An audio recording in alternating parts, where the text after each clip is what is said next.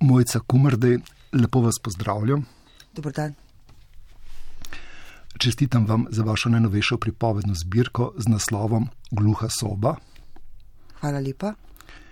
Vi pišete tako romane kot kratke zgodbe. Zanima me ena in druga izkušnja. Kratka primerjava, prosim. Je razlika v tem, kako se lotim uh, samega pisanja. Uh, namreč nikoli, uh, vedno se želim izogniti, da bi se v naslednjem pisanju ponovila. Uh, zato sem tudi uh, se odločila, da po uh, romanu Kronosova žitev, da grem v kratke zgodbe, v zbirko kratkih zgodb. Pa tudi te kratke zgodbe ima. Vsaka od njih svoj glas, svoj ritem, svojo temperaturo. Uh, in uh, ko pišeš roman, si v večjem megalomanskem, celo celostnem svetu, tukaj gre pa v, v gluhi sobi za osem zelo različnih, ampak hkrati tudi na nek način podobnih svetov. Ampak kot sem rekla, vsak od teh svetov ima svoj jezik in svojo jezikovno lego. In temperaturo, kot ste in rekli. temperaturo. Ja, jaz namreč jezik doživljam zelo, zelo materialno. In uh, mislim, pri vsakem tekstu, recimo, če zamižim, vem, kakšna je temperatura, kakšna je njegova gostota, ritem, frekvenca. Ko sem bral vaše zgodbe, sem pri marsikateri dobil občutek, da gre pravzaprav za neke vrste roman. Toliko se dogaja lahko v posamezni zgodbi. Tako intenzivna je. Zanimivo, da ste to omenili, ker uh, mi je ena moja prijateljica in kolegica Amalija Maček za eno zgodbo rekla, da je, da je skoraj roman. Uh, mogoče sem tukaj še malo po vtisem tega megalomanskega romana Kronosova žitev, ampak tudi sicer uh, sem videla, da so zgodbe, ki sem jih začela pisati, med pisanjem sem ugotovila, da uh, so daljše, um, vse imajo tam nekje okrog avtorsko pola oziroma celo več. Uh, očitno uh, so te teme, ki so me ga nagovorile, zahtevale takšno, takšno formo. Katere teme so vas nagovorile? Nagovorile so me teme o tem, kako se ta svet, v katerem živimo, spreminja zadnjih 20-25 let. Imela sem že med kronosom pisanja, kronosom že to potrebo, da artikuliram, da ubesedam vse te spremembe. In recimo v zgodbi Oreh govorim o enem svetu, ki počasi izginja. Na koncu um, sta dve zgodbi o svetu, v katerem stopamo, oziroma smo že z enim korakom v teh svetovih. Ena od teh dveh zgodb je bolj distopična, druga niti ne pravzaprav. Uh, želela sem dejansko besediti. Kaj je tisto, kar se nam dogaja, kateri mehanizmi nas uh, naravnavajo, To je bil moj glavni namen, ampak ne na samem začetku pisanja, kot ne več, ko se lotam pisanja, pač pišem po nekem čist uh, notrnem uh, porivu. Šele vmes, ko, ko, ko, ko, ko pišem in ko začnem primerjati zgodbe med, sabe, prav, med sabo, pravzaprav vidim, o čem bo zbirka govorila, ker namreč nikoli ne, ne vključim vsega, kar nastane v nekem določenem obdobju, ampak naredim izbor glede tudi na samo temo, ki se mi iz, izlušči med pisanim pisanjem. Kakšne barve so vaše zgodbe? Ja, recimo ta prva definitivno je oranžna, ne? to je Mehika o Mehiko, ne? to je zgodba, ki je napisana skozi perspektivo a, bankovca za 500 pesosov mehiških. Um, zato to idejo sem resnično dobila tu, na svojih a, potovanjih v Mehiki, ki so bile vedno povezane s predstavitvijo moje literature, z a, prevodom zbirke a, tam nasnov materija oskure, oskura v, v prizaložbi Arlekin. A, In uh, ta zgodba me je dejansko nagovarjala že takrat, vendar nisem imela še jezika, uh, da bi 2012 ali pa recimo leto kasneje se te pisanja lotila. Itek sem bila v pisanju romana, ampak pred enoma dvema letoma pa sem začutila, da zdaj pa nekako sem jo lahko, da je sem jo zagrbila. Skratka, ta je absolutno uh, oranžna. Uh, recimo rumena. Zgodba, ki sledi, je taka temno-modra. Niti ne črna, ampak taka temno-modra uh, s takimi kovinskimi, kovinskimi utenki. Oreh je zeleno-orjava, mislim, lahko bi lahko za vsako bi povedala, mislim, ja. Ampak ja. edina zgodba, ki je res nekako oranžna, ja. topla, živahna, ja. barvita, silvita. Ja v tem nekako radoživem pomenu besede je zgodba, ki ste jo omenili na začetku, Ja. to je ta Mehiko o Mehiko. Ja, In ta zgodba je kot neke vrste poklon Šniclerju, njegovi drami Vrtiljak, ta bankovec doživi marsikaj. ja, Hkrati pa v to simpatično formo Ja. pišete vrsto nekih tem, zelo diskretno, zelo mimo grede. Pa me zanima, kako izbirate teme, ki jih upišete v zgodbo tako mimo grede. Ja, ta zgodba je zelo dinamična, ker je značaj uh, pripovedovalca, skratka tega ba, mehiškega pesusa, bankovca, uh, takšen, ne, seveda, uh, um, zelo, mislim, temperamenten, ampak zdaj ne na, na brez, uh, brez kakršnih koli zadržkov temperamenten, hkrati tudi rahlo zadržan in nežen, tudi duhovit. Vendar ta zgodba govori tudi o izjemno krutih stvareh, ne, ki se pa ne dogajajo samo v Mehiki, a- ampak se dogajajo povsod po svetu, kot je recimo ta femicid, o katerem, ki je tudi uh, uh, uh, omenjen. Um, ko začnem pisati, večkrat to poudarjam, da ko se mi pojavi tema, lahko je to niti ni sama tema, lahko je to stružek, lahko je to um, en čist mehen detajl. Če nimam jezika, se je ne morem lotiti. Ne?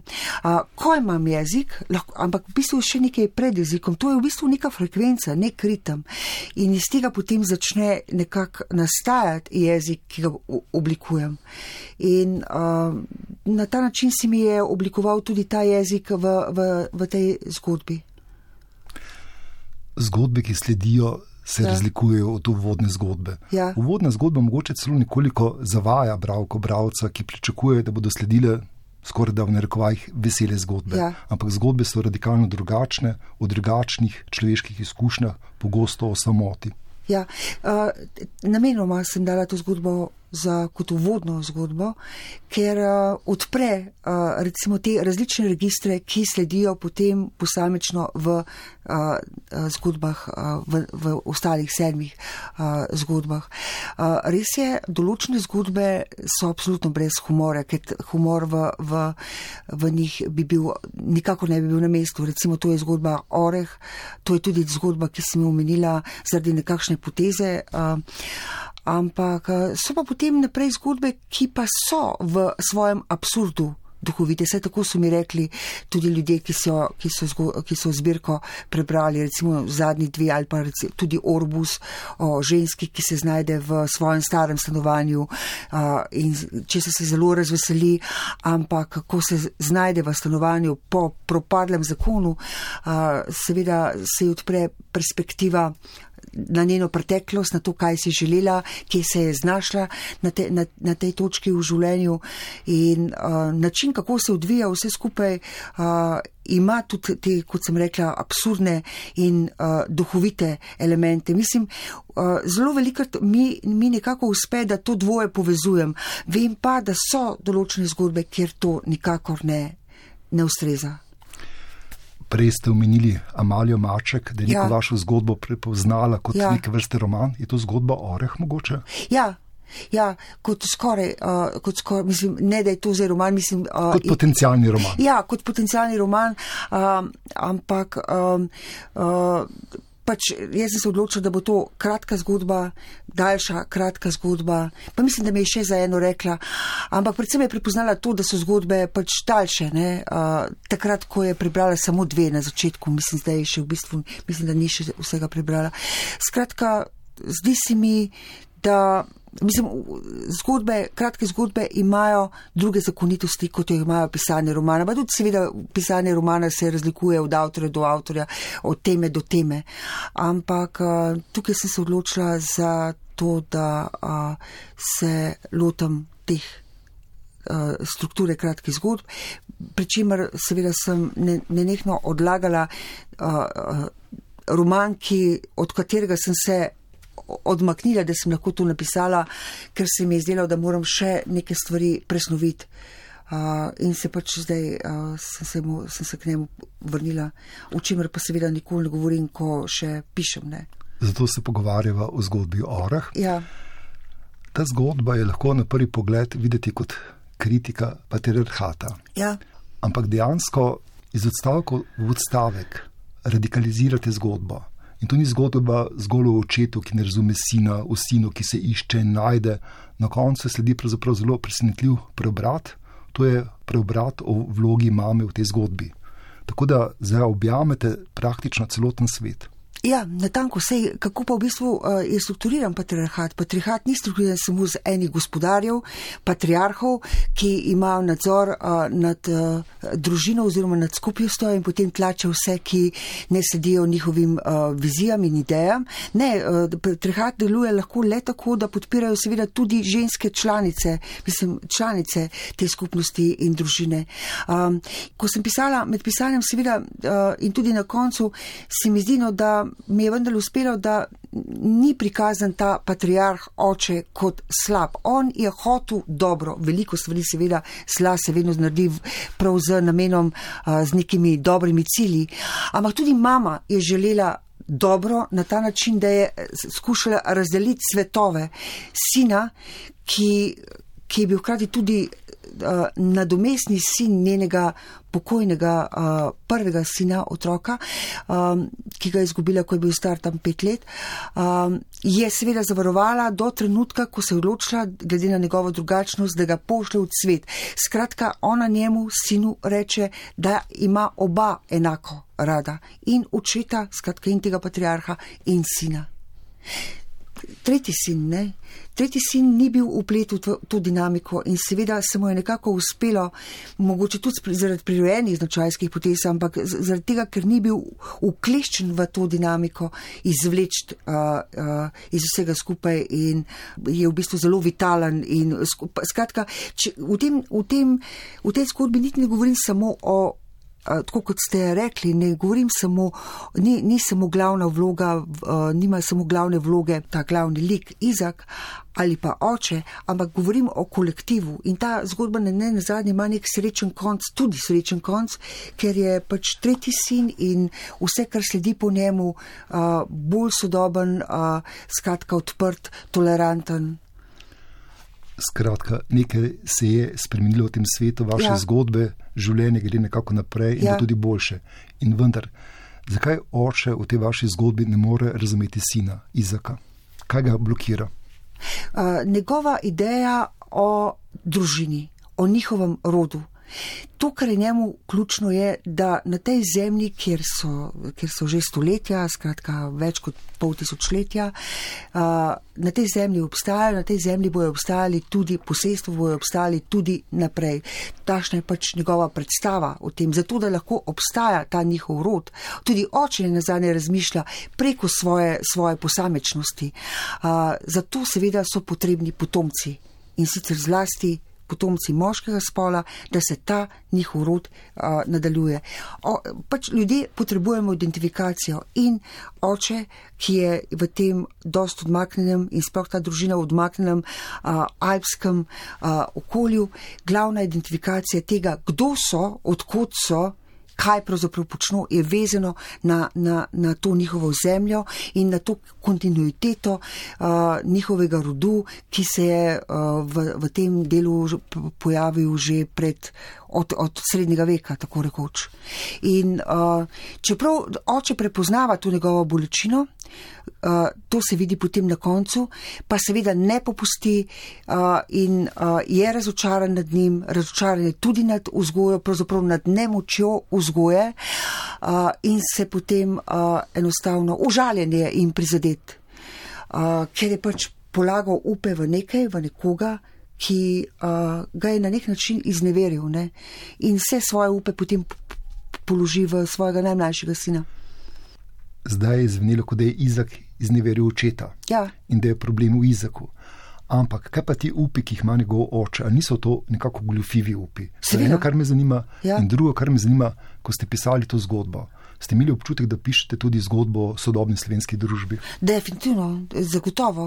Uh, ja, seveda, uh, uh, Izak je izneveril očeta oziroma njegove predstave Mislim, pravzaprav je to zelo sebično od starša, da ima predstavo, kakšen naj bi otrok bil, s čim naj bi se ukvarjal, uh, kako naj bi živel. Uh, ta isto uh, učita Izak svoji materi, ker je bil pripričan, da ga mati podpira v vsem, kar je.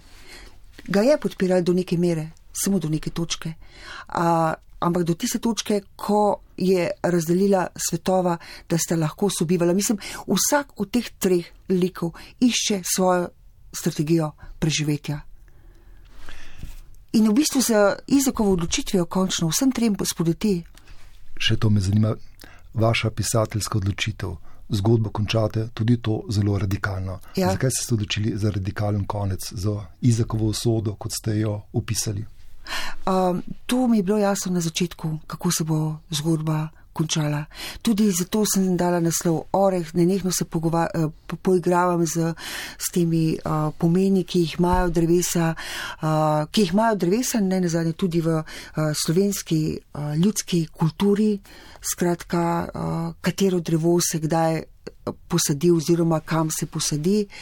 In, uh, uh, in seveda tudi to, da neko sporedno življenje, ki jih živijo drevesa, ki so dolgoživa in uh, uh, ljudi, ljud, uh, življenje ljudi. Zato tudi nekje uh, reče e, ena ženska, drevesa si, uh, si prevzemajo življenja ljudi in si s tem podaljšujejo svoje življenja.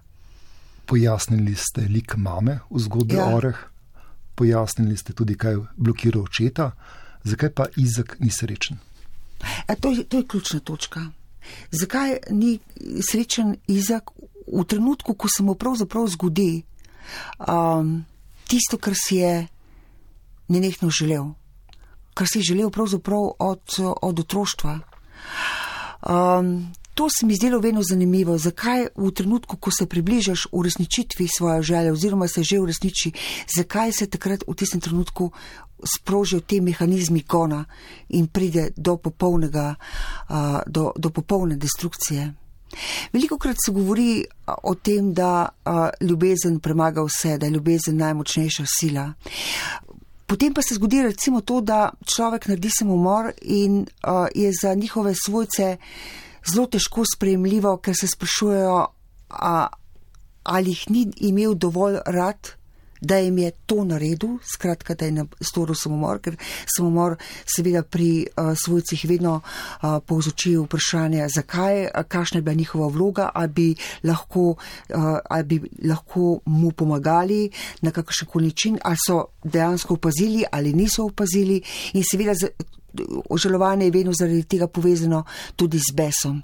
Jaz sem želela pokazati, da kljub temu, da je Izak imel izjemno rad svojega partnerja, da je, da je šlo resnično za pravo ljubezen, da so bili ti demoni, če uporabim to, to besedo, a, o katerih je verjel, da so z njegovo, njegovim, med njegovim odraščem, zlasti pa z preselitvijo v veliko mesto, kjer je študiral in potem nekaj časa živel, da so dejansko potihnili da so se začeli potem, ko se je približeval uresničiti svojega cilja, spet oglašati.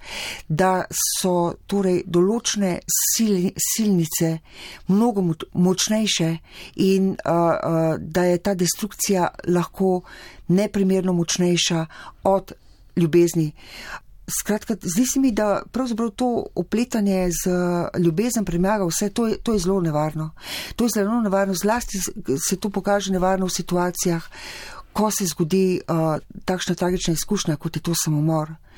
In uh, za svojce je to grozljivo, oziroma za svojce, za bližnje, uh, ker je, se odpre vprašanje, ki ostaja večinoma neodgovorjeno in um, veliko krat se ljudje uh, v temu obranijo tako, da to potlačijo, da enostavno uh, potlačijo, da je šlo za samomor, ampak da je bil ra razlog nekaj drugega. No, v tem primeru je to nemogoče, ne? ker, je, ker je šlo za manifest manifestativen samomor. Namreč na koncu so vprašanja, zakaj je ravno na tem posestu, zakaj je ravno na tisti poti, kjer ve, da a, kdo, kdo gre prvi na vse zgodaj zjutraj, že desetletja po tej poti. On je pač premislil, kdo bo najdel to njegovo truplo.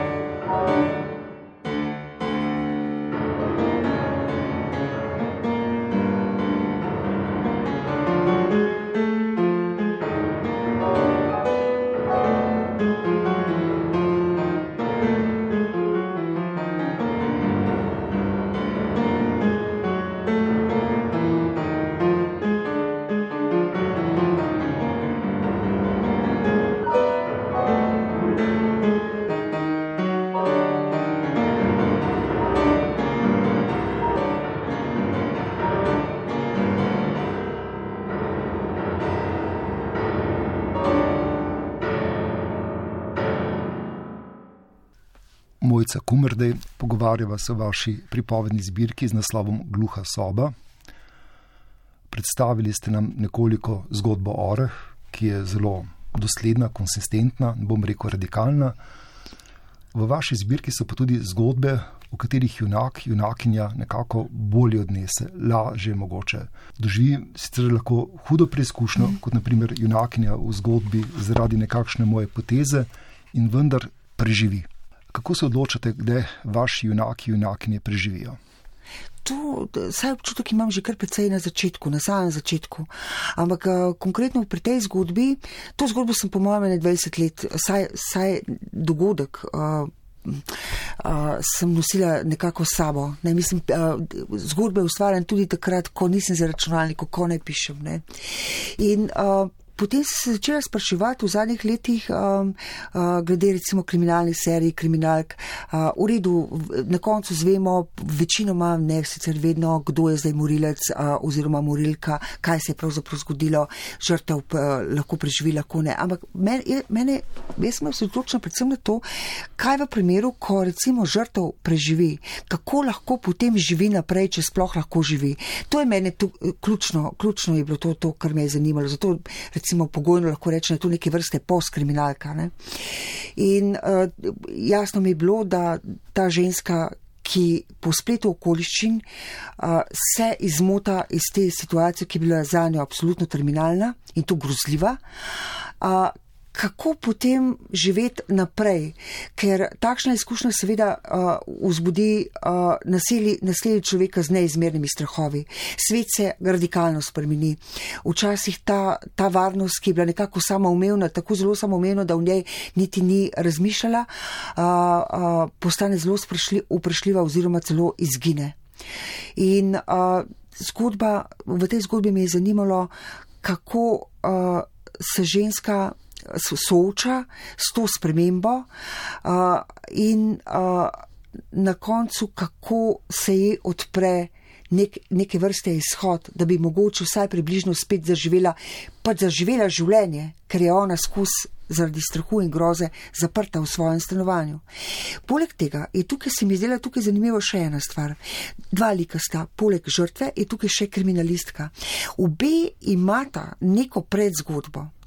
Uh, kriminalistka se jo očitno zaveda, medtem ko ta uh, svojo zgodbo, seveda, medtem ko žrtov, ta ženska, pa uh, se spominja nekih dogodkov zgolj skozi von, skozi okus, ima neke medle, uh, medle podobe. Um, skratka, ti, nju, ti dve njuni izkušnji sta naloženi na neke izkušnje pred, pred tem. To se mi je zdelo tudi zelo zanimivo, no?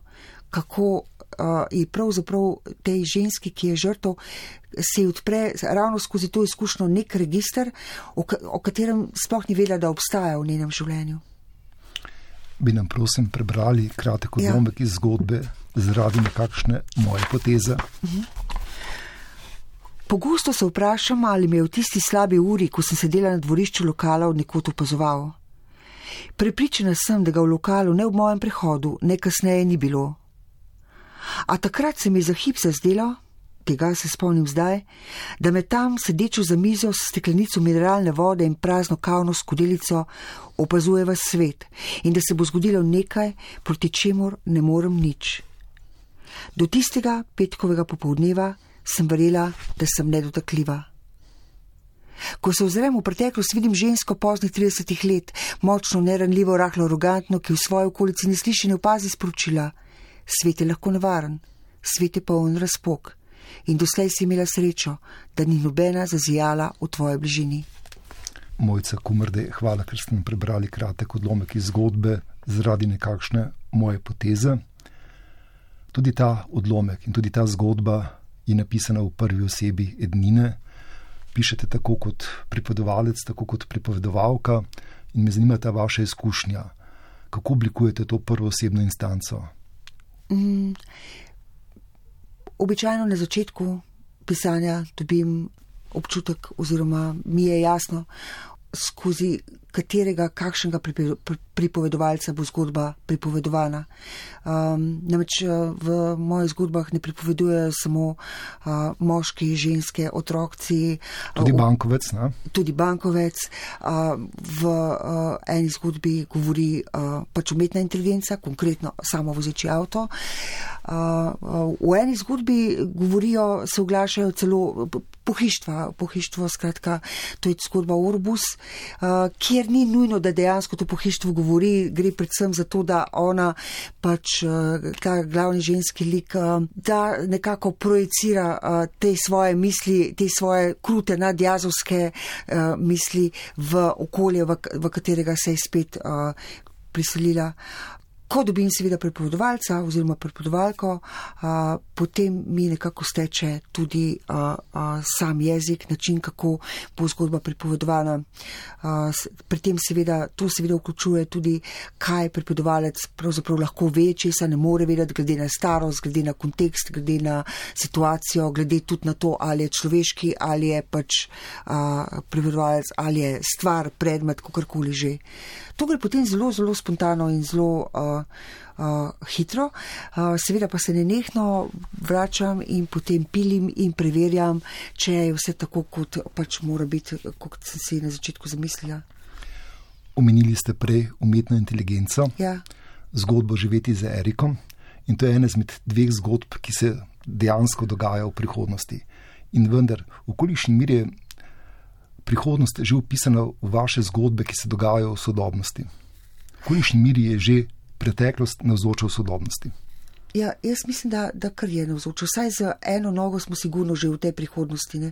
Ta, to vrstni avtomobili, kot je recimo živeti jezero, kot na ta način avtonomna, voz, uh, samo vozeča uh, uh, vozila, čeprav je vprašanje, koliko so avtonomna, glede na to, da so programirane, kar je tudi ene ključnih. Klub, Tukaj je stvar pomedovanja ključnih stvari. Ne. Tukaj smo še zelo, zelo dalečno. Um, so pač do neke mere z sovoznikom in podobno. Ja, uh, ampak je, obstaja že v, v, v, v, do neke mere obstajajo. Ja, Se upravičujem. Naprimer v zgodbi Mrtvi kot. Ja.